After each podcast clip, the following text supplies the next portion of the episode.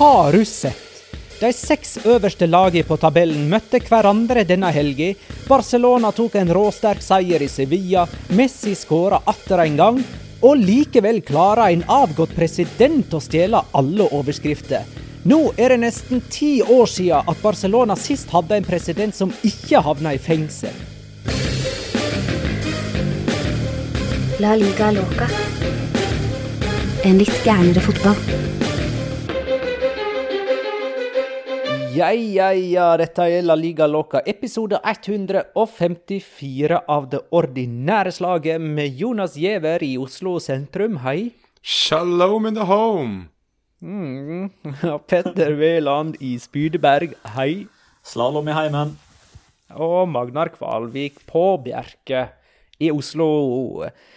Uh, åh, jeg har glemt å delegere smalltalk-ansvaret Jonas får i dag. Jeg gidder ikke å ta det sjøl. Oi, ja, smalltalk, ja. Uh, jeg synes det er uh, skrekkelig trist, Magnar, at du ikke har Clubhouse. Uh, for det hadde jo vært så gøy å ha deg på Clubhouse. Jeg skulle likt å se deg prøve å delegere meg og Petter der inne. ja. Vi prøvde Du får jo prøve å invitere meg, da. Kanskje. Jeg har jo en jobb-iPhone. det, det visste jo ikke vi noen ting om, men det er jo, hvis du har det, så er det jo åpenbart at du må være med, være med der. Ja. Nei, jeg har egentlig alt av devices man kan tenke seg, så det er ikke helt utelukka at jeg kan eh, bli, bli med. Ja, Men det må Men du jeg må nesten ha en invitasjon. Jeg tror det er sånn invitasjonsgreie. Det har jeg. Du kan få av meg. Du får av meg. Ja. Er det sånn at man blir belønna for å invitere folk, sånn at man eh, får plutselig sånn eh, 3000 nye venner, og, eller eh, 500 nye lingots, eh, eller noe? Ja, dette er ikke popit.no eller eh, Habbo hotell. Eh, jeg tror nok eh, jeg tror, Men jeg tror det blir belønna hvis du hoster nok rom eller noe sånt. Så Karim Benzema hadde jo hatt sånn typ 15 000 invites akkurat nå. Ja. Uh, det er greit. Nei, men uh, OK. Så ble det Clubhouse smalltalk-prat i dag òg, og eh, ja, jeg tror vi må, vi må heve lista litt grann, eh, Ja. for uh, smalltalk uh, framover. Men sånn ble det i dag. Ingenting å gjøre med det. Eh, vi er jo eh, en dag forsinka med publisering av eh, denne episoden fordi at mandagskveld spilte Real Madrid mot Real Sociedad, og det var en litt for stor kamp til at vi skulle liksom bare la det gå hus forbi. Vi måtte få med oss den. Eh, I tillegg så smalt det ei bombe i Barcelona, hvis det er lov å si, da eh, president, eller tidligere Barcelona-president eh, Bartomeo ble eh, fengsla, rett og slett. eh, Og det kunne vi la gå et døgn til å fordøye, og, og så reflektere rundt eh, det.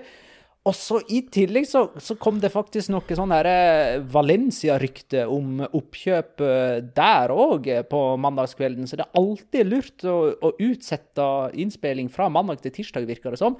Men dette blir eh, et unntak likevel. eh, vi begynner, eh, dette, og dette er ting vi skal snakke om. Eh, det skal vi. Men vi bønner med Tradisjonen tru. Eh, runde 25, kamp for eh, kamp. Levante Atletic 1-1. Eh, det ble det òg da disse lagene møttes til første kamp i Copa del Rey-semifinalen i midten av februar. Og returoppgjøret skal jo spilles i Valencia nå på torsdag. Jeg tipper 1-1 og ekstraomganger og straffekonk i det oppgjøret der. Eh, Petter? Det skjedde jo noe historisk i denne kampen her. Eh, Ja. Fordi eh, for aller første gang så tok man i bruk VAR etter at kampen var ferdig. I La Liga-sammenheng, der eh, Inigo Martinez da fikk se et direkte rødt kort etter å ha gått inn i garderoben for å ja, Det blir vel kanskje å ta i hvis man sier at han dro til Sergio Leon, men han hadde i alle fall ei hånd opp i ansiktet der. Klass- klaska da til han.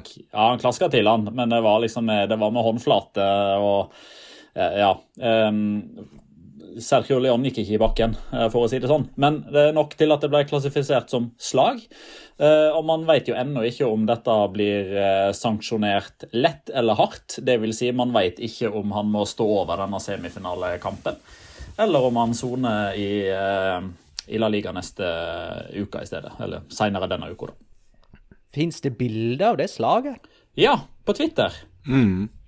Det finnes faktisk okay. video av det òg, tror jeg. Hvis ikke jeg så helt feil. Men jeg Jeg må jo Det var egentlig Ja, det, det, Det finnes, var det jeg ja. mente med bildet. Ja, men det må jo være lov å, men det må være lov å um, ha litt sympati med Inigo Martinez, for han var jo ikke, han var jo ikke så veldig heldig i løpet av det oppgjøret her, da. Det var litt tidligere oppgjøret. Nå har jeg ikke funnet ut hvem det var, for jeg fant ikke akkurat det øyeblikket. Men han fikk seg jo en ganske uh, skal vi si, stor smekk på pungen, bokstavelig talt. Altså, det var jo noen som da klarte å klaske til han direkte i balla, som vi ville sagt her i Oslo sentrum, og det så jo helt grusomt ut. Så at han var i overkant ilter ved kampslutt, det har jeg sånn halve sympati for, selv om vold av noe slag er jeg ikke helt eh, Ikke helt glad i det, da. Eh, På Levante spiller en spiller som heter Jorge de Frutos, og Martin Hellerud lurer på hvor lang tid det går før Real Madrid aktiverer tilbakekjøpsklausulen på han. Han er bedre enn både Rodrigo Goes, Venicius Junior, Marco Ascencio og Lucas Vasques. Men, men er han Har men, vært bedre enn denne sesongen, da. Men det, han er Oscar Rodriguez. Altså Det er mer Oscar Rodriguez enn noe annet. Og han var Oscar Rodriguez var veldig god i Leganes, ikke fullt så god i Sevilla. Ja, OK. Vi får se til sommeren, da. Eh, neste kamp, Eibar Uesca 1. 1. Sandro Ramirez skåra for Uesca i det 81. minutt, og trodde sikkert at det skulle holde til en ny særs viktig borteseier for bunnlaget i La Liga, men så utligna Papa Diop bare to minutter seinere. Det betyr åtte strake seriekamper uten seier for Eibar, som er et av de fem nederste lagene som det bare skiller to poeng mellom. Ja, jeg skal, tenker jeg skal redde Eibar litt her nå, for nå skal jeg gi de litt grann, uh, eh, skal jeg si for noe litt pepper i det at de er de har blitt kjedelige å se på nå. ass. De har vært et lag som har vært morsomme å følge egentlig i, de, i flere sesonger nå, syns jeg. For de har vært som sånn Asterix og Obelix-lag blant gigantene i La Liga. Men nå, nå begynner det å bli kjedelig, ass. Når det er liksom når det er Pappa Diop som scorer, som liksom er det Petter ville eller klassifisert som en grevling, kontra noen som helst annen spiller, så er det sånn Det er så symptomatisk med hele laget nå. Så eh, til Men- Mendelibar og co. opp i ringa, eh, og til Mendelibar og co. vær så god, for nå overlever dere. For hver gang jeg kritiserer et lag eller en spiller, så gjør de det dritbra i alle ukene etterpå. Så eh, ja, fest på Ipporoa, eh, signert Jonas Giæver ved sesongslutt. Var Kiki Kike som hadde den vanvittige Ja. sjansen der han skjøt i sin egen standfot to ganger eh, i Ja. løpet av to sekunder. Det var moro. Nei, men Da gratulerer vi Eibar med seier i de neste fire seriekamper. Jo, Jonas, Sevilla Jonas Ah, okay. bare sånn, vær så snill. Jeg, jeg, jeg begynner å bli litt lei av de nå, så kan du være så snill å ikke dra en sånn på eh, det laget som kommer fra Vitoria, hvis navn vi ikke nevner. Vær så snill. Ok, greit. De, de må ned nå. Ja, greit. greit. Greit. Sevilla-Barcelona 0-2.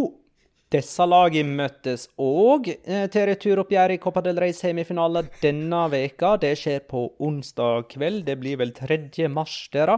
Eh, Det ble 2-0 i første møte òg, den gangen til Sevilla, så da blir det vel 2-0 til ett av lagene nå på onsdag. Eh, Sevilla holdt nullen i fem strake seriekamper, men denne gangen var det de som gikk målløse av banen. Det ble da 557 minutter uten baklengs på Bono, eh, som med det satte ny klubbrekord, uten at det er så mye å juble for når man eh, taper.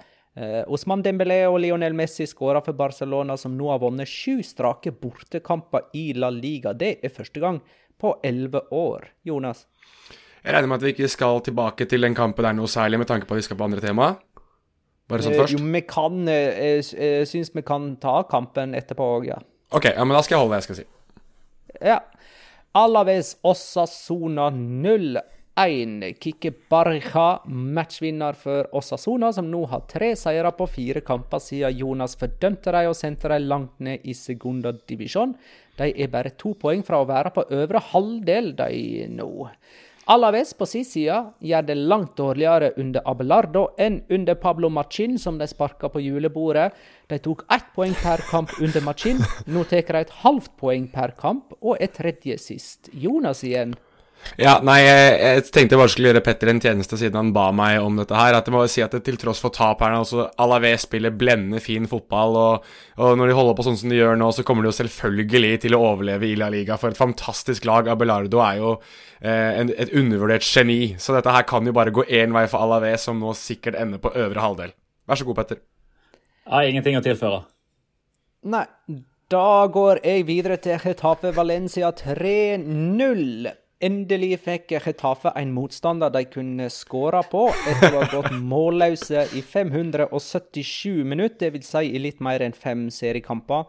Arambarri sto for den frigjørende skåringen, som òg fikk det til å løsne for Heimemata og Carles Alenya. Eh, en dårlig dag for midtstopperne til Valencia. Ikke nok med at de slapp inn tre mål, så ble den ene utvist, og den andre begynte å grine etter kampen. Hva skjedde med Gabriel Paulista, egentlig? Det var han som grein, da. Diakabi fikk rødt kort. Ja, nei, det var jo i, i intervjuet etter kampen, da. Um, og han, han, reagerte veldig sånn spontant på måten reporteren formulerte spørsmålet. Um, først en liten sånn innskytelse. Uh, altså, har, har ikke du skjønt har ikke du skjønt det før nå, Gabriel, så er det på tide å trykke på knappen. Eh, men samtidig så syns jeg det er litt og, og, han har jo egentlig fått ganske mye både ros og sympati for at man for det første tør å, eh, å være så åpen og ærlig som han var der, men òg fordi han, han setter på mange altså, det er på mange måter en Valencia-supporter som står og snakker der, som snakker om klubben sin. Eh, for det reporteren sier, er jo at eh, dere er jo i utgangspunktet en, en stor klubb som skal kjempe om, eh, om, Champions League. Nå er dere mye nærmere nedrykk, og hvor ille er egentlig situasjonen? Og da virker det som at det plutselig så går det opp for Gabriel Paulista hva slags realitet han er en del av.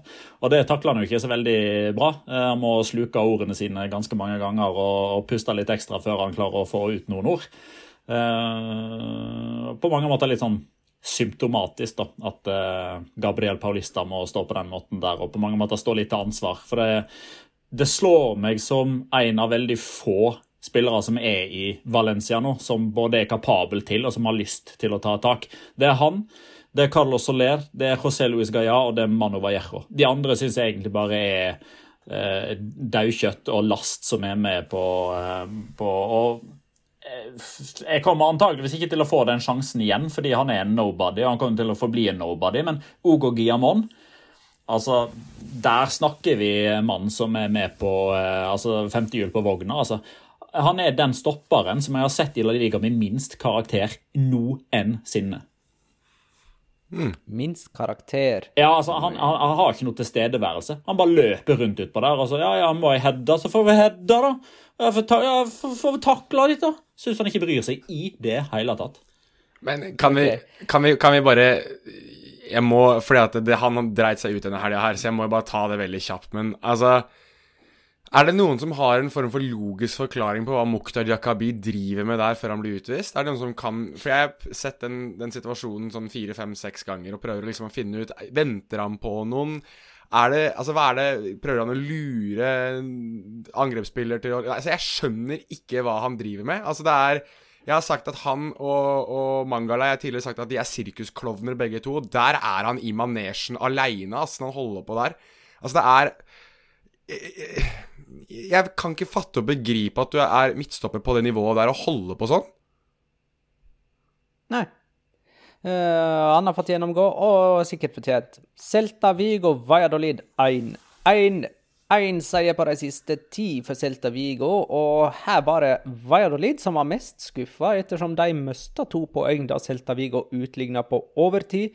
Eh, Valladolid har én seier på de siste tolv. Det er mange lag som ikke vinner fotballkamper i La Liga for tiden, og det er jo typisk at laget som er verst, i verst form, spiller uavgjort eh, når de møter hverandre. Jonas hadde en finger i været. Ja, det var heller et spørsmål. Um, fordi var det virkelig så at dersom Valladolid hadde vunnet her, altså på bortebane på Balaido, så hadde det første seieren deres borte siden 1996 eller 1997 eller noe sånt? Altså, jeg, jeg, var, jeg, mener at den engelske kommentatoren nevnte det, og jeg ble sittende og tenke altså, Kan det ha vært fordi at de har vært i ulike divisjoner så, så mange ganger? Men altså, har det gått nesten, nesten 30 år siden de har vunnet der?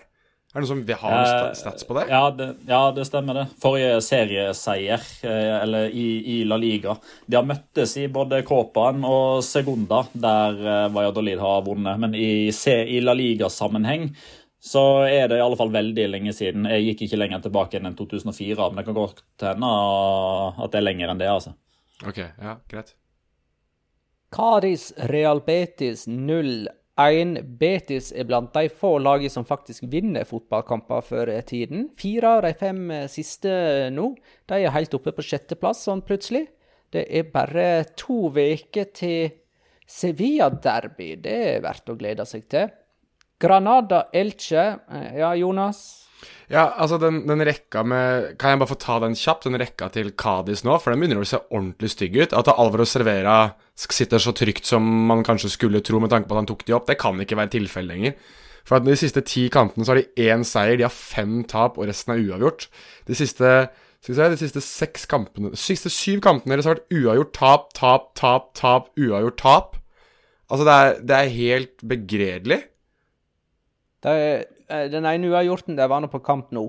Så noe Ja, det er sant. De har jo en del sånne der opplevelser som uh, holder liv i hans jobb, for å si det sånn. De slo jo Real Madrid på det- Valdebebas og Det er nettopp det som er så rart med Cádiz, fordi det, er liksom det eneste poenget de har tatt i det siste, er på Camp Nou. En av de to seirene de har de siste hva er det da, 18-19-kampene, er mot Barcelona. Hvis du drar da to av de tre siste seirene de har på om det da er 19 eller 20, er borte mot Barcelona og Real Madrid.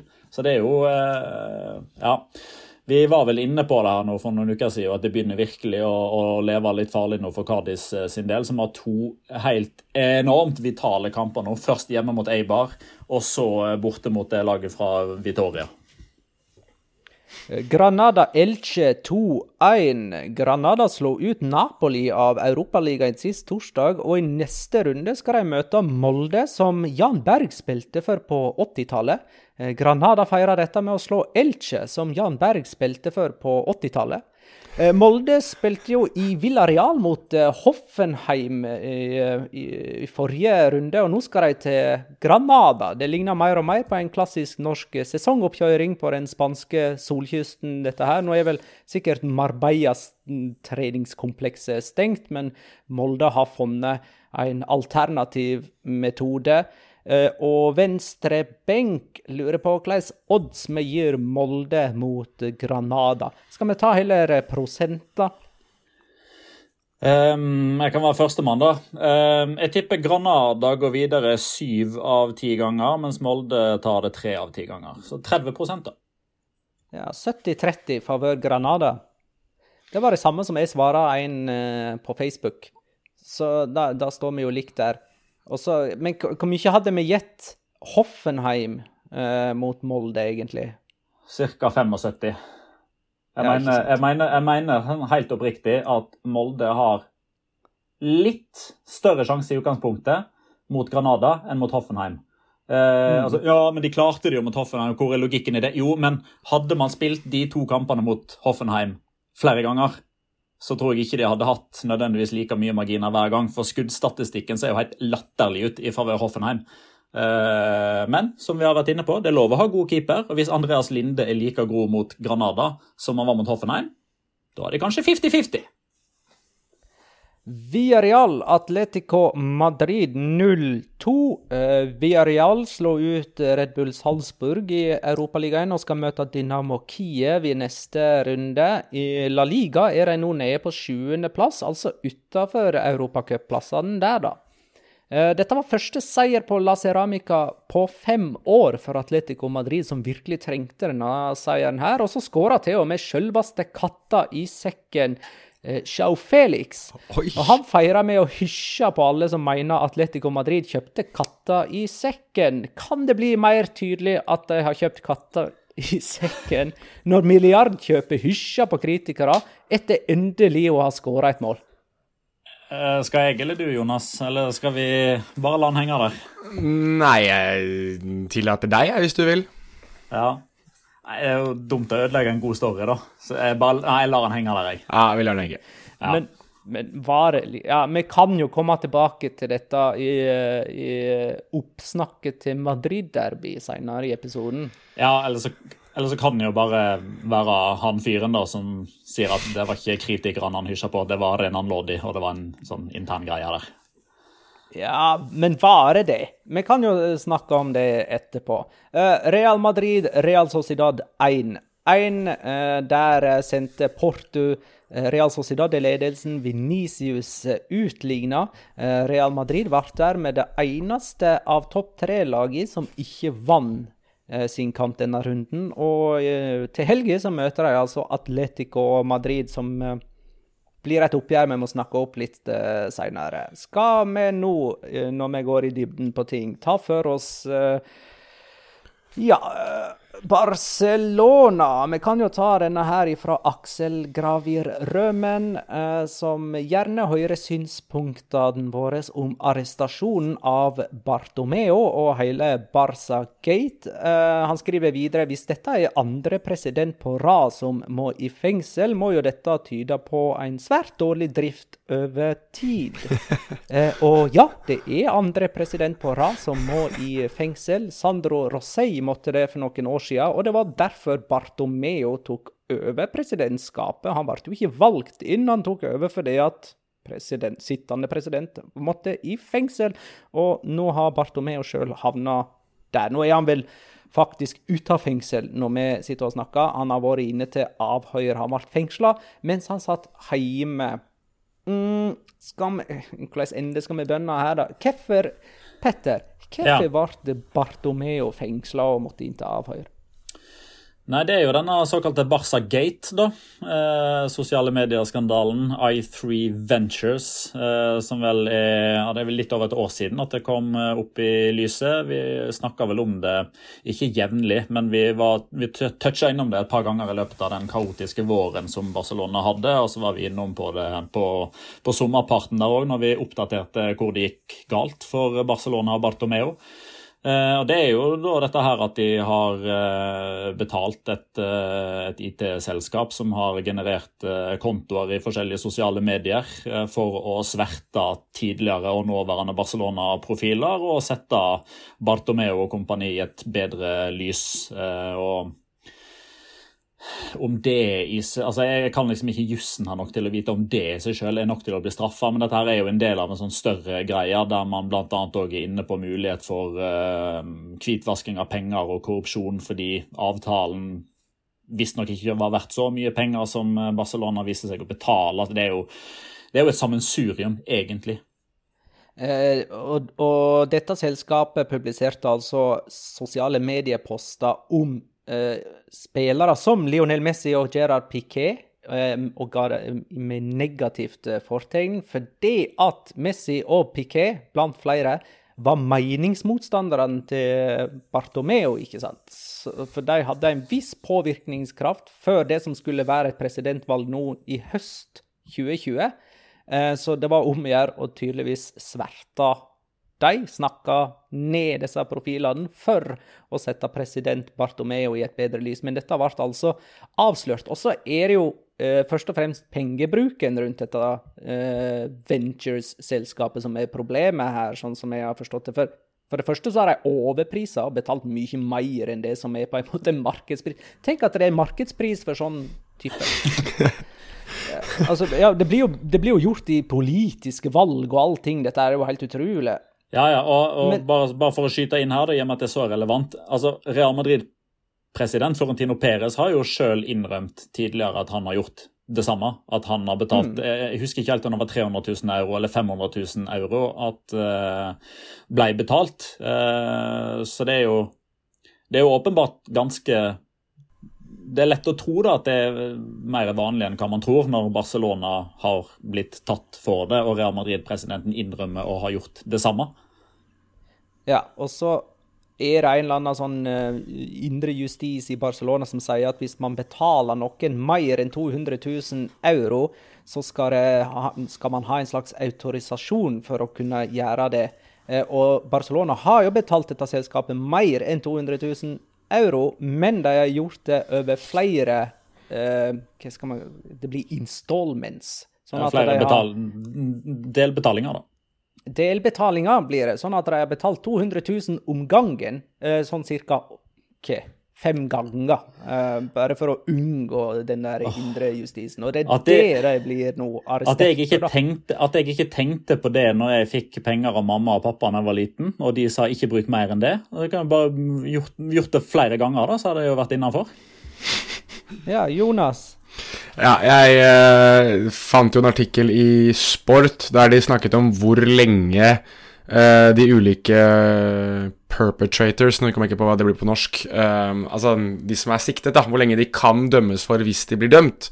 Og det er ganske lange fengselsdommer som kan være tilfellet her hvis de da blir funnet skyldig i de tingene man nå regner med at de kommer til å i hvert fall bli siktet for, om ikke tiltalt for, bl.a. korrupsjon.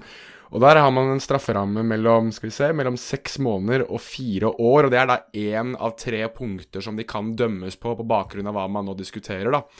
Og da, da har man jo Altså, det er en av tingene her som gjør at de kan straffes opptil tre år. Du har, hvis, hvis det da viser seg at dette her er grovt, eh, grov korrupsjon, så kan det bli enda lengre. Så det kan være åpenbart det er jo, Dette er jo ting som mest sannsynlig ikke kommer til å bli tilfellet, da, med tanke på at de kanskje tar strafferabatter og eventuelt ikke blir funnet skyldig i visse ting osv. Men, men det er visst ganske grove anklagelser og siktelser som potensielt er tatt ut her, da. Og det er jo Eh, Det var vel sånn at eh, katalansk politi stormet vel Camp Nou for å finne for, for å finne bevis på kontorene. Så dette her har vært ganske, ganske planlagt fra, fra katalansk eh, politi. Og Jørgen Bruland Svendsen spør hvilke ringvirkninger kan Bartomeo-arrestasjonen eventuelt få for klubben? Økonomiske eller omdømme? Absolutt, ja, omdømme, åpenbart. Eh, men der er det litt sånn altså hvor, eh, hvor mye maling kan man egentlig legge på? Eh, altså Det omdømmet til Barcelona er jo så sjokkerende lavt nå i fotballmiljøet.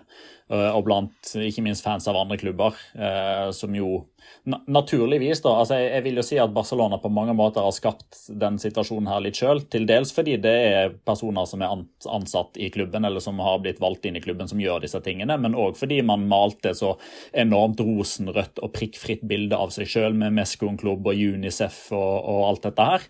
Da blir på mange måter fallhøyden stor, eh, eller enda større, da. Eh, Når man eh, er på andre sida av, eh, av skalaen. Så omdømmemessig så er det ikke noe som helst tvil om at den presidenten som blir valgt inn nå på søndag, har jo en enorm jobb å gjøre sportslig. Han har en enorm jobb å gjøre økonomisk, og han har en enorm jobb, jobb å gjøre omdom, omdømmemessig. Men klubben i seg selv kommer ikke til å bli straffa på noe som helst måte. Her er det enkeltpersonene. Det er de fire enkeltpersonene som kan bli eh, straffeforfulgt. Og Barcelona er jo faktisk De er implisert i saken, men det er som et offer.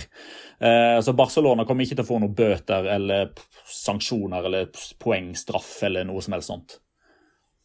Og kan dette nesten være litt sånn frigjørende for spillerne, da? Altså, det at Bartomeo blir, pres, eh, blir fengsla og at det blir gjort en razzia i klubblokalet, det sier vel klart og tydelig for hele verden at spillerne har hatt eh, noen sjefer det er veldig vanskelig å ha tillit til, og at de har måttet legge intern uro og sin egen mistillit til sides hver gang de har spilt eh, fotballkamp, eh, Jonas.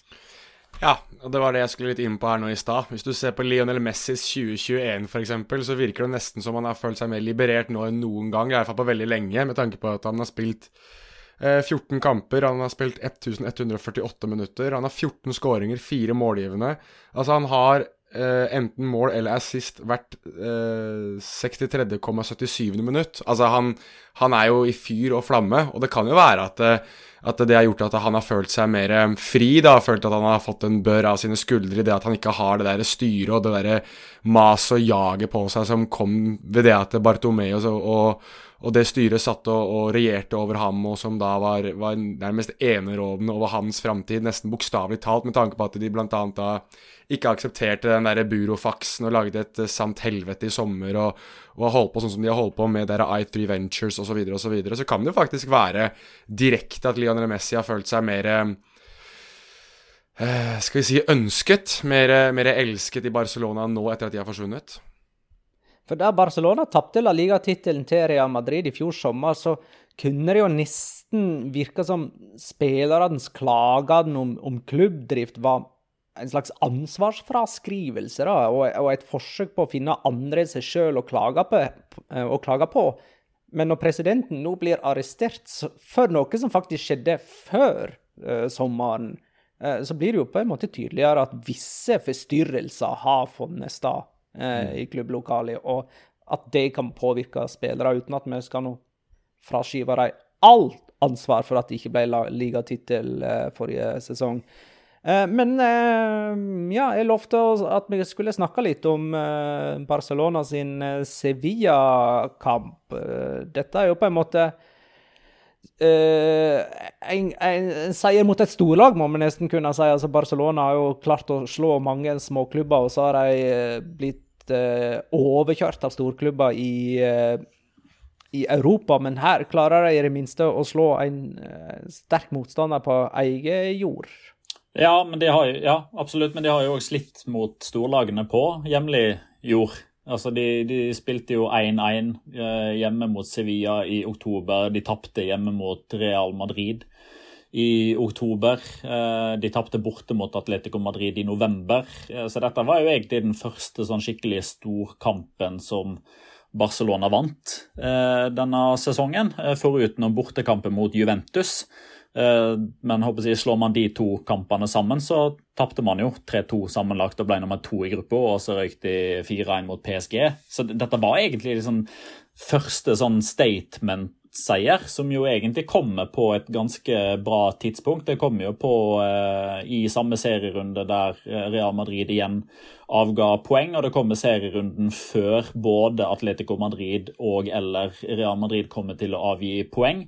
Så hvis Barcelona sjøl klarer å gjøre jobben på på bortebane mot, mot Osasona, så vil man jo ta inn på poeng på Atletico Madrid eller eh, stikke fra Real Madrid. Så det syns sånn situasjonen ser litt sånn, litt sånn, lovende ut, da, med tanke på at nå er man snart ferdig med den usikkerheten rundt presidentvalget. Det kommer jo til å være i boks på søndag, og uansett hvem som vinner der, så kommer jo vedkommende til å bruke den kommende uka og måneden med, med, alle sine midler og uh, virkemidler på å gjøre dette til en sånn positiv greie, en sånn spin-off-variant. Uh, og når de da heller ikke kommer til å ha mer enn én kamp i en øvrig turnering å konsentrere seg om, fordi er regner de som ute av Champions League. Og eh, en, og en Copa del Rey-finale vil jo eventuelt kun være en motivasjon. Da har de kun La Liga igjen å, å fokusere på, mens eh, Real Madrid sannsynligvis tar seg videre i, i Champions League, og mens Atletico Madrid på mange måter da vil være en litt sånn de vil være en litt sånn uggen posisjon, egentlig, fordi absolutt alle har på et tidspunkt nå forventa at de kommer til å vinne. Jeg føler at nå er La Liga egentlig bare deres å tape. Eh, og så skal man selvfølgelig gi dem all hyllest og kreditt når slash hvis de vinner.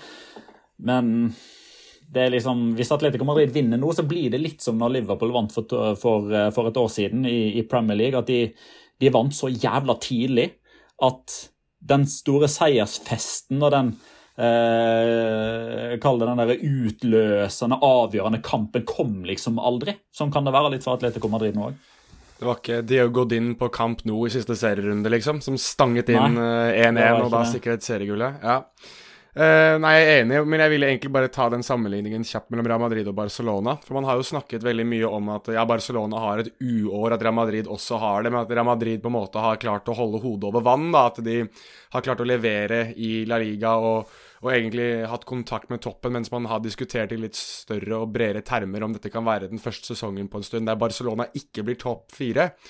Tabellen nå er at de har like mange poeng, men Barcelona ligger foran vel på målforskjell, blir det vel. Um, og da, da er jo man litt inne på det med at hvor dårlig stilt er egentlig Barcelona da? Og så kan man jo da også si at vi kan gå tilbake til de tallene jeg hadde her nå i stad med Lionel Messi, at det kanskje er litt sånn grunn der at han har våknet for alvor og nå er vel toppskårer i La Liga og, og, egentlig ligner litt på det man kan kalle vintage Messi. Og så vil jeg bare si også det at til Med tanke på at du var inne på presidentvalget, så vil jeg jo anbefale alle lytterne våre, hvis dere finner Dere som snakker spansk, klarer jo, klarer jo det her uten å måtte finne subtitles, men prøv å finne disse herre uh, diskusjonsforaene mellom Tony Freisha, Victor Font og John Laporta, for det er altså hvis du trodde at Dagsnytt 18 debatten og sånne politikerdebatter i Norge var hete og, og litt sånn ufine. De tingene John Laporta sitter og sier f.eks. til Victor Font, det er ganske sånn Jeg sitter og tenker altså, hold deg litt bedre enn det her, da. Men han sa vel, han sa vel blant annet det at det til Victor Font For Victor Font har jo laget alle disse fine presentasjonene sine og på en måte opphøyd at dette, dette skal være et eh, et Barcelona i Cruyffs minne osv. Og, så og da sa vel Laporta noe sånt som at eh, mens du driver og lager powerpoint-presentasjoner, så har jeg vunnet titler. Og det er liksom blitt hans store greie at Font har en sånn Uh, han lager et mirage da, som han prøver å få folk til å, å, kjøpe, mens da Laporta slår i bordet med det han har gjort tidligere. Og sier jo enda styggere ting enn det, men det er liksom det som er hans sjargong. Hver gang Font prøver å si noe, så slår Laporta tilbake med det der greiene med at du veit ikke en dritt av hva du driver med. Powerpoint. Powerpoint. Powerpoint. Faen. Uh, S MH vil at vi skal si hvem vi tror, skråstrek håper, kommer til finalen i Copa del Rey. Eh, skal vi helst ta hvem vi tror, eh, kanskje? Eh, Barcelona møter Sevilla på kamp nå. Sevilla vant 2-0 på Ramón Sánchez Pijuan. Hvem går til finalen, Jonas?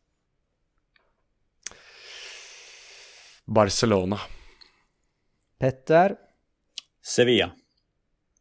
Jeg sier Barcelona. Og så ble det altså 1-1 på San Mames mellom Atletic og Levante. De møtes på Ciutat de Valencia torsdag. Hvem går til finale? Jonas? Jeg håper jo litt på Atletic, da. Bare pga. den historien med Marcelino. Så jeg får si Atletic. Levante. Jeg tror òg faktisk på Levante der, så jeg sier altså Barcelona-Levante. Petter sier Sevilla-Levante. Jonas sier Barcelona-Atletic. Sevilla-Levante eh, Copa del Rey-finale? Det, ja. det, det er spicy. Da er det litt mer spicy med Madrid-derby til helga. Uh, Real Madrid hadde jo ei bra resultatrekke, men fikk seg et slag i trynet nå med 1-1 mot Real Sociedad. Atletico hadde tung, en tung periode. Vi fikk en oppløfting med seier borte mot uh, Via Real, men dette her er jo uansett et oppgjør som Real Madrid vinner, Petter. Det pleier jo som regel å gå sånn, eh, av flere årsaker. Altså, vi, vi, er jo på ingen måte der som vi var i 2013, med at eh, Real Madrid-supportere henger opp bandet om at de ønsker en verdig motstander i, i byderbyet. Den har jo kommet eh, tilbake og bitt de relativt kraftig i skinko, for å si det sånn, men de har allikevel et ganske kraftig overtak innbyrdes, kanskje spesielt i sånn Champions League-finale og i seriesammenheng, mens eh, Atletico Madrid ofte har liksom gått eh, videre hvis det har vært cup. Så du har gjerne en sånn fornemmelse om at når det virkelig betyr noe, så bukker Atletico Madrid litt unna, mens Real Madrid da, eh, drar av seg drakta og viser muskler, eh, spesielt på vårparten. Og De vant jo den første kampen 2-0 eh, i oktober.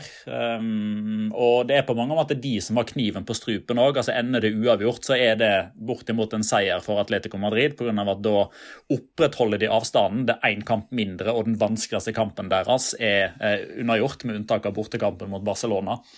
Um, jeg, men jeg hadde, vært, jeg hadde vært nesten kan du selvfølgelig aldri være 100 sikker på hvordan noe kommer til å gå i et derby.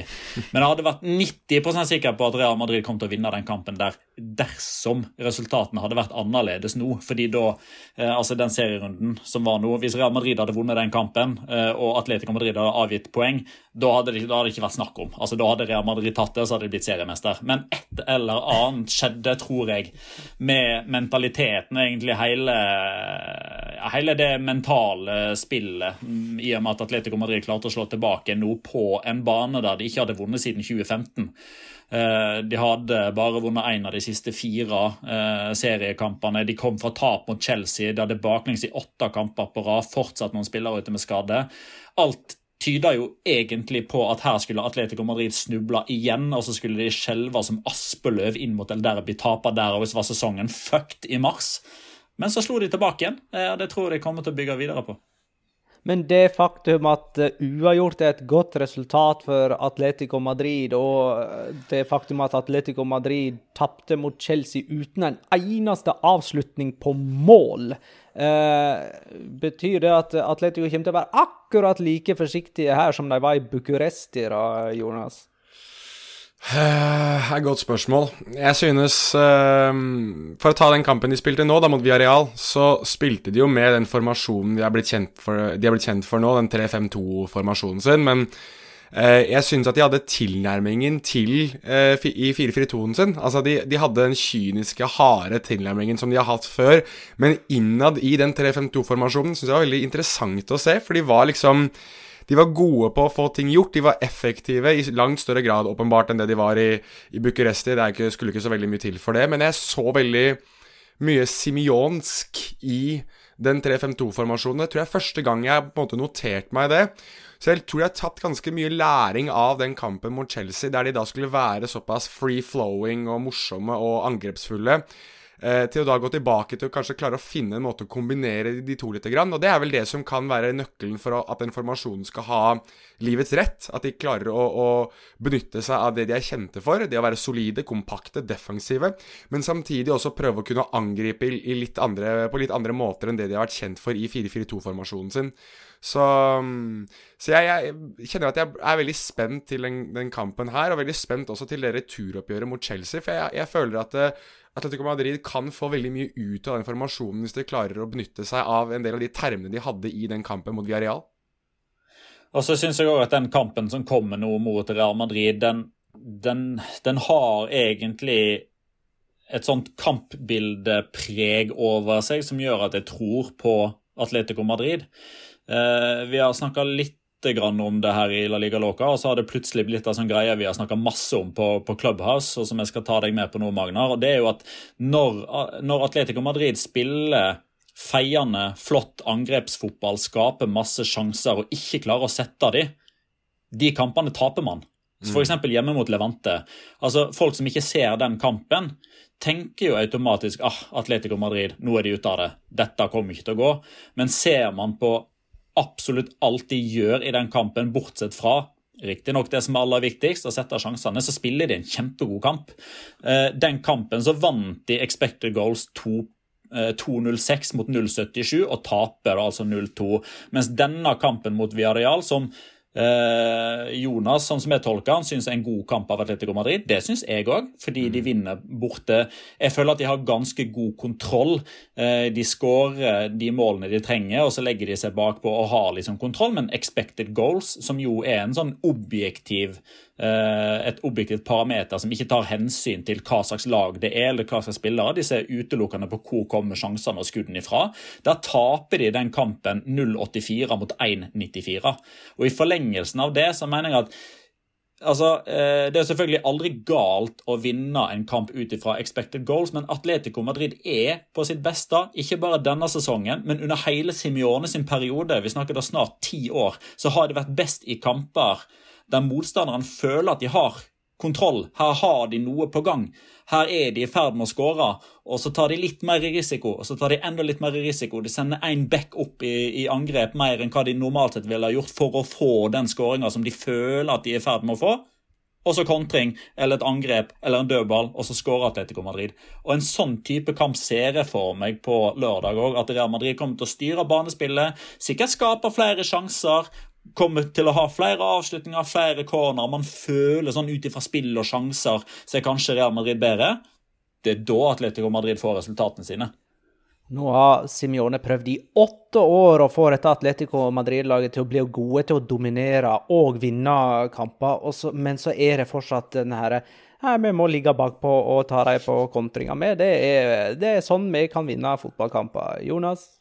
Skal bare si en ting, eh, eller skyte inn en ting til slutt her nå, med, med tanke på El Derby.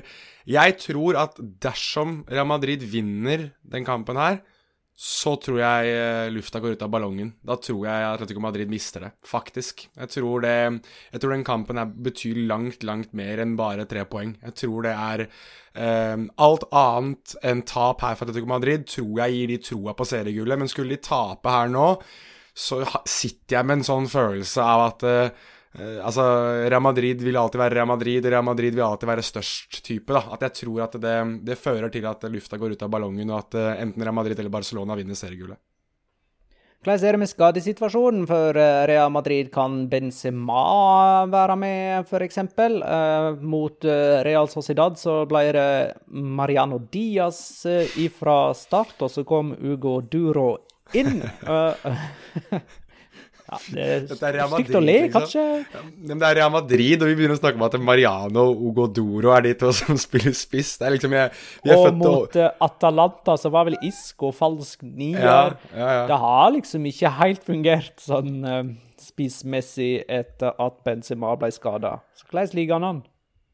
Jeg vet ikke helt, jeg, Petter. Hvordan er situasjonen? Du er den som pleier å være mest opplest av, det, av oss her når det kommer til skadesituasjoner.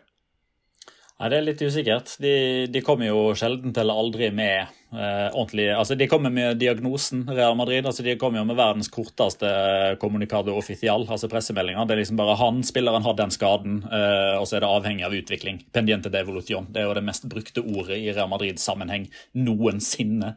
Eh, Så det blir jo egentlig bare spekulasjoner og litt sånn inside som, eh, som journalister får. Eh, Jeg har ikke oppfatta noe nytt i den situasjonen der, annet enn at man må se an hvor vondt han har.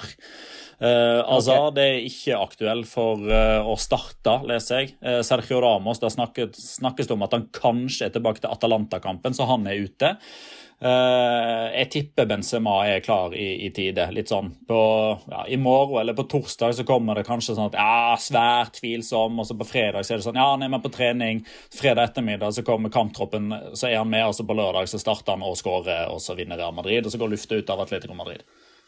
Det var litt interessant. Jeg la faktisk ikke merke til i eh, kampen mellom Real Madrid og Real Sociedad at Zinedine Zidane gjorde taktiske endringer til inngangen til andre omgang. Der styrte jo Real Madrid eh, kampen i første omgang, og så la han om til tre midtstoppere etter pause. Og da tok Real Sociedad fullstendig over, og så skåra de. Og så gikk eh, Zidane tilbake igjen til opprinnelig formasjon, og da skifta kampbildet igjen. Så det er akkurat i den perioden han hadde den der formasjonsendringen, så tapte de to poeng. Merkelig. Det, ja. Og det tok han kritikk på etterpå, fikk jeg med meg. Eh, skal vi ta kort av dette om Felix eh, Sjau Felix? Skåra mot Villarreal, og hysja var sånn skikkelig sur, og dette var ikke bare en prank mot Renan Lodi. Hæ? Nei vel. Jeg syns, jeg syns vi skal la Magnar sin teori leve her. Selvfølgelig, Ja, Magnar. vi, ja, ja, ja, Det var ja, ja. hat mot ja, ja. alle som har vært imot Sjau Felix. Sånn. Da er jeg Ja. Ja. Konklusjon. Eh, Valencia ser ut til å bli kjøpt opp av uh, en eller annen prins. Har du noe du vil si om det, eller, Jonas? Ja, jeg har prøvd å finne litt ut om denne prinsen. Uh, nå kommer jeg ikke på navnet hans i farta, så det har vært veldig god researching av meg i så fall. Men han har, et, han har et veldig interessant navn, noe sånn Tunku et eller annet. Men han er i hvert fall kronprinsen av Johor. Og Johor er jo et sultanat, som er del igjen av Malaysia. så han blir vel da sultanen av Valencia dersom han skulle ta over klubben. Nå er det jo litt usikkert hva slags rolle han vil få, men han har jo vært veldig på Instagram. Ja, Petter, vil du gå først? Ja, eh, navnet. Tunku Ismail Idris Abdul Majid Abu Bakar Iskandar Ibni Sultan Ibrahim Ismail er navnet hans. Skjønner... Det er sjokkerende at du ikke husker det. Da skjønner du hvorfor jeg ikke husker dette navnet der. Uh, uansett, han har jo vært veldig flørtende på Instagram den siste tiden, der han har lagt ut klubbverdi, lagt ut en del om hvor, eh, hvordan Valencia har ligget an, altså hva man kan forvente ut av klubb osv. Um, og også hintet om at han da i juni kommer til å, å gjøre et eller annet for Valencia. Og lokale journalister, annet eh, eh, generalen som vi har blitt kjent med, han har jo vært ute og, og sjekket litt om hva som egentlig skjer, og han har bekreftet at eh, denne, denne kronprinsen han er virkelig eh, fysen på å bidra til Valencia. Og jeg sier bidra, fordi at man har ikke klart å bestemme seg helt ennå for om han ønsker å kjøpe opp klubben, eller om han kommer til å kjøpe seg inn en del av klubben, og da bli typ partner med Peter Lim. Fordi Eh, denne typen her, og, og jeg håper å si eh, kongefamilien eller sultanfamilien av Johor, de er personlige venner av Peter Lim. Og Det betyr det at de kommer nok ikke til å pushe han helt ut av klubben, med mindre Peter Lim aktivt ønsker å selge. Men han kommer til å tilby frisk kapital, og har vært veldig god i eh, uttalelsene sine rundt det at han vil ha fotballfolk og vil utvikle fotballklubb, og at dette her skal bli da et nytt, stort imperium, for han eier allerede én klubb i Johor, eller i Malaysia. Dette her er hans forsøk da på å utvide sitt imperie, som han selv har sagt. Så Uh, for Valencia-supportere som håper på nye eiere, eh, gled dere, men vær varsomme. For dette her virker som en eh, type som i hvert fall kjenner Petter Lim og er venn med Petter Lim. Og da kan det godt være at Petter Lim er med videre. Så ja, jeg vet ikke om dette her er et sånt der luftslott, eller om det faktisk er the real deal, men at det er en kar som i hvert fall virker å være nære ved å få en plass i, i Valencia, det virker, virker veldig åpenbart. Altså, Grunnen til at disse først spekulasjonene kom, var jo den Instagram-storyen hans, der han la ut eh, diverse Jeg vet ikke om det var aksje, portefølje, eller hva det var for noe, ja. men han hadde, la iallfall ut en sånn story med bilder. Eh, der han først uh, la ut uh, en sånn aksjegraf som går opp og ned alt etter hvor mye klubben er verdt, og så ei liste over hvor på denne lista Valencia lå. Det var rett under Benfica, la jeg merke til. Og så en sånn emode, sånn tenke-emoji, sånn hmm. Og så kom klubbemblemet til Valencia på en ny sånn bildegreie, altså med, med June, altså juni. Uh, og Etter dette her så begynte jo spekulasjonene å flomme, og så kom det plutselig et langt sånn skriftlig innlegg uh, på storyen der han skriver liksom litt om hvem han er. At han, han er ikke en investor eh, som skal tjene penger på det. Han er en mann som elsker å vinne uansett hva han holder på med. Og at han ikke er en, en, fyr som kommer til å endre logo eller emblem. Han kommer bare dit for å gjøre klubben bedre. og hva er det viktigste i en sånn type klubb? Jo, det er fotballfolk må inn i posisjoner. Så han, han, trykker på de riktige knappene. da. Han har jo antageligvis sett hva har Petter Lim gjort galt. La meg gjøre det stikk motsatte. Det er jo sånn han selger seg inn da, for at Valencia-fansen kanskje skal tro at dette her er gull og grønne skoger. Jeg har ikke noe som helst formening om å vite hva slags type person dette er, eller hva slags intensjoner han har, annet enn en viss skepsis når jeg ser hva som har skjedd med tidligere eiere i Valencia og tidligere eiere i Malaga og Racing Santander, eh, for å nevne noen eksempler. Eh, og så vil jeg bare raskt ta med at Jogones eh, hadde et kjapt intervju med Daniel Guita som uh, tydeligvis har kommet seg ut igjen fra karantene etter å ha kjøpt inn all den ølen som du snakka om, eh, Jonas. Han spilte jo faktisk for Johor, som er denne klubben i Malaysia som denne kronprinsen og eier har gjort til sånn dominerende skikkelse i hjemlig serie.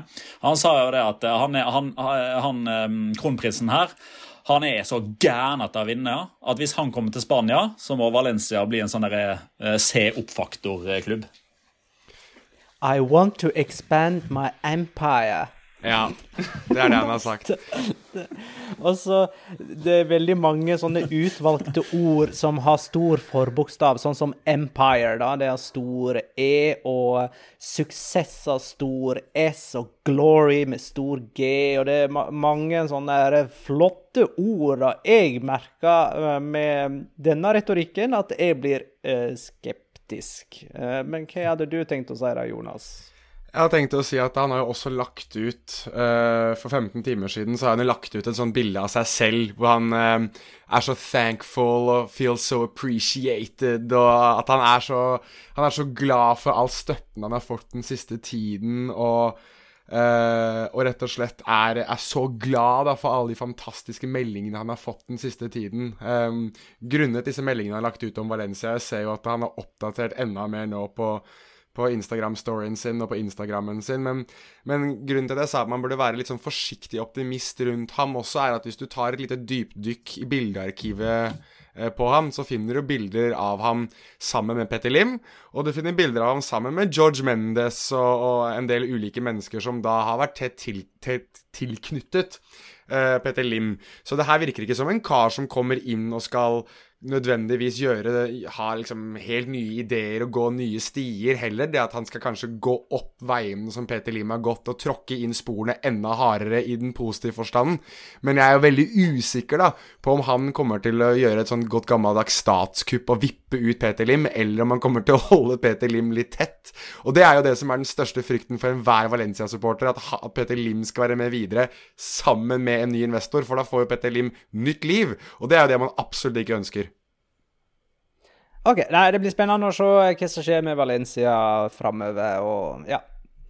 Vi må kåre rundens spiller, eh, og vi har jo da hver vår nominerte, som vi rangerer fra tre til én. Min nominerte er nummer tre, og det er Saul Niges.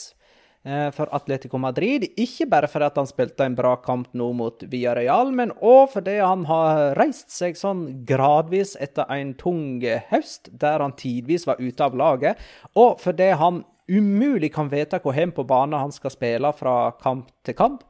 Mot Villarreal var han tilbake som venstre wingback og gjorde jobben eh, godt nok til å bli nummer tre på vår rundenspillerliste. Nå tror jeg det var Jonas som hadde nummer to.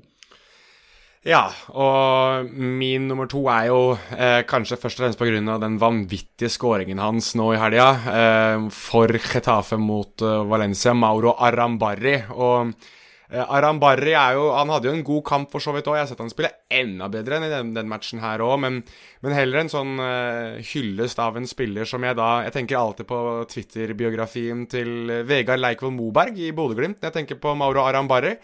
For der står det bare 'en sliter som lar andre skinne'. Og det er litt sånn som Arambarri har vært i en del år nå, føler jeg. En type som ikke det snakkes nok om, men som er alltid meget effektiv i alt han gjør. Så med tanke på at han kronet da denne kampen her med en uh, heseblesende fin scoring, så får han også da en liten hyllest i form av å være nummer to på rundens spillekåringen vår.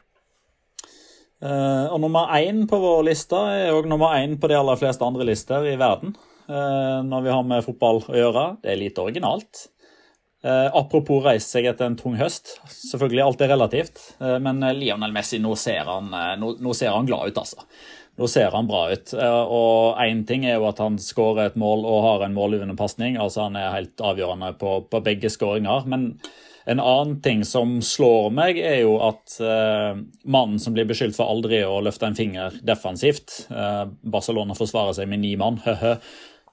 Han bidro virkelig i begge ender. Eh, lagde frispark, plagde, eh, jaga ball. Var rett og slett en pest og en plage. Og var jo òg i risikosonen for å få sitt andre, eh, andre gule og bli utvist. Eh, sikkert veldig mange Real Madrid-supportere som mener at det han gjør med gult kort fra før av, er verdt et nytt gult kort og utvisning. Vi trenger ikke nødvendigvis å ta den debatten der, men jeg syns det er godt å se Messi tilbake igjen på sitt aller beste. Og så kan man jo brått tenke i de baner at hm, Bartomeo i fengsel på en mandag, eh, og så spiller man mot Sevilla igjen på onsdag. Det stinker vel egentlig hat trick, gjør det ikke det? Eh, jeg har ombestemt meg. Sevilla går ikke til finalen. Det blir Barcelona. All right, da er det på tide med Locora! Ukens La Liga Locura. Locura. Locura. Locura. La Liga Locura. Jeg lurer av og til litt på hva naboene mine tenker når jeg eh, roper ut Locora eh, sånn som det der, én gang i veka. Jeg har ikke spurt dem. Gjør ikke noe heller. Petter skal få begynne. Eh, jeg kan begynne. Eh, jeg har først en veldig kjapp, eh, og så en litt mindre kjapp. Real Sociedad.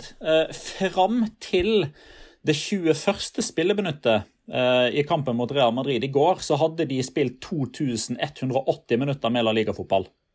Eh, altså 24 hele kamper pluss 20 minutter. I løpet av de 2180 minuttene så hadde motstanderen truffet metallet to ganger. Én i stolpen, én i tverrleggeren. I løpet av de neste 30 sekundene så får de tre imot. Først eh, Mariano Diaz slash eh, Gorosabel, var det vel, i tverrleggeren.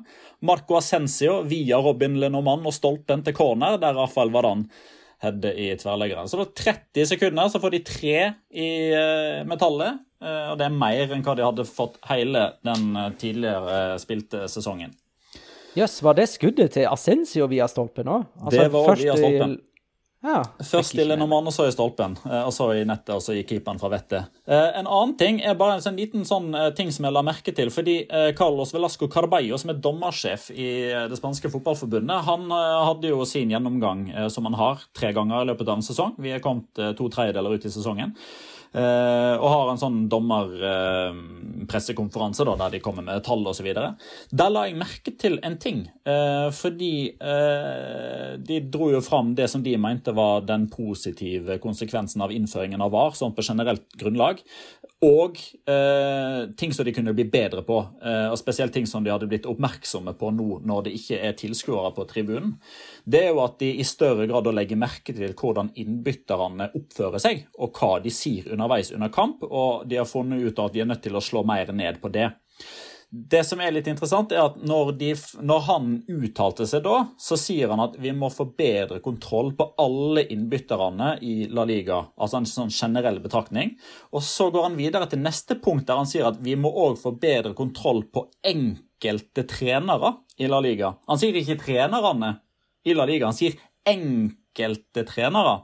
Hei, Bordalas! Hei, Simeone! Hei, Marcelino! Eh, Men OK, da, da passer det faktisk at jeg tar min uh, locora nå. For eh, José Bordalas har trent Getafe i 139 kamper i La Liga. I løpet av de 139 kampene har det blitt delt ut 46 røde kort. 23 til Getafe-spillere og 23 til motstandere. Jeg har ikke statistikk på hva som er vanlig at et lag gjennomgår av utvisninger over en periode på 139 kamper, men dette høres ekstremt ut for meg, i alle fall. Det blir rødt kort i hver tredje kamp Getafe spiller, og det har nok en god del med Getafe å gjøre at eh, 23 motstandere blir utvist over denne perioden. Eh, Jonas? Ja, det passer ganske fint med den ene delokoraen jeg hadde. For jeg hadde også en, uh, en dellokora som er at det burde være 24 på den lista til Getafe. Det burde være 24 spillere som eh, hadde vært utvist. For hvordan Erik Kabakko blir værende på banen etter å ha regelrett kvestet Daniel Wass, det, det er meg et mysterium. Altså, jeg har det klippet gående her på den ene skjermen min, og det er noe av det unnskyld uttrykket, jævligste jeg har sett av, eh, av takling som da ikke det ble gitt rødt kort på. Det ble vel ikke gitt gult Kast. heller. Det var innkast. nei, kast. Ja. Det er altså Nei, jeg, jeg kan virkelig ikke forstå det. Og jeg kan heller ikke forstå eh, hvordan eh, dommer Hilman Sano eh, klarte å se feil eh, i sin, eh, sitt første utkast av dommerrapporten da han skulle levere inn målskårere mellom Real Madrid og Real Sociedad. Fordi Porto, det er helt riktig. Porto skåret for Real Sociedad, men ifølge dommer Kilmanzano så var det da Lucas Vasques som eh, skåret eh, utligningsmålet for, for Real Madrid. Og da tenkte jeg at eh, ja er det noen likheter på noen som helst måte mellom Lucas Vasques og faktisk målskårer Venezia Junior? Så jeg tok en liten titt. Er de, ser de like ut? Ligner litt på hverandre? Nei. Spiller de i nærheten av hverandre på banen? Vel, Lucas Vasques er høyreback, og Venezia Junior spiller vel mer venstre kant? Nei. Eh, Har de nesten samme draktnummer? Lukas Vaskes nummer 17, Vinicius Junior har nummer 20 Nei. Så hvordan du klarer å se feil av de to, til tross for at det er riktig at Lukas Lucas Vasques slo innlegget som til slutt Vinicius Junior satte i mål, det skjønner jeg fryktelig lite av. Skal jeg komme med første- svaret, eller eh, skal vi la den òg bare henge? Nei, du, hvis du har et ordentlig svar på det, så må du gjerne har, gjøre det. jeg, jeg har årsaken. Ja, ok. Det er den eh, berømte si, rullegardinmenyen, der du trykker deg inn på hjemmelagets spillere som står i alfabetisk rekkefølge, der det står 'Vaskes, komma Lucas' og så Venicius Junior. Så han har, try- han har trykka feil der. Så det er en feiltrykking. Det er feil trykk. Det er ve ja, V, ja. Vinicius Vasques. Ok, ok, ok. Det er litt sånn som, det er litt sånn som den gangen da Matheo Laos eh, fysisk må ha trykket annet alternativ for å gi gult kort til Lionel Messi og skrevet inn Hadde på seg New Newell's. Old, Newell's Old Boys-drakt fra 1995. Helt riktig. Ja, ok. All right. Da er det på tide å tippe litt, da.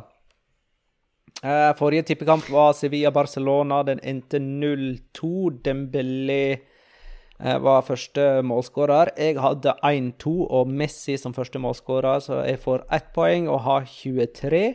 Petter hadde 2-0 til Sevilla, da, med Enesyri som første målskårer i null poeng, eh, og du har da 17. Jonas hadde 0-0 som vanlig. Det gir null poeng som vanlig. Du har 9. Eh, og neste kamp er Atletico Madrid, Real Madrid, søndag klokka fem- 16.15 på Wanda Metropolitano. Jeg har, eh, bare for å få det riktig, Atletico, Real Madrid, 1-2, Venicius. Oi, oi. Eh, John Laporta skåler høyt når han blir eh, Barcelona-president på søndag for den kampen her enn 1-1. De spenner litt bein på hverandre. Marcos Jodente sier takk for sist til gamle lagkamerater. 1-1, Jorente. Og Jonas.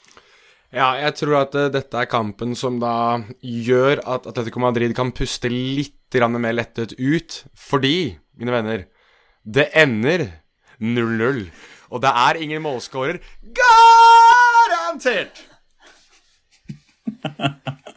Det, der kan du faktisk få rett, eh, Jonas. Ja, jeg- jeg- det der Jeg er så sterk i trua her nå. Altså, dette her, folkens. Nå. Nå. Og for de som lurer for øvrig, slik at ingen tar meg på det Den derre garantert-hylet, det har jeg tatt fra Charles Barkley. Han gjør også det i uh, NBA-studioene. Så er det ingen som kan ta meg på det. Det er han som har copyright. Jeg gjør da en homage til Charles Barkley.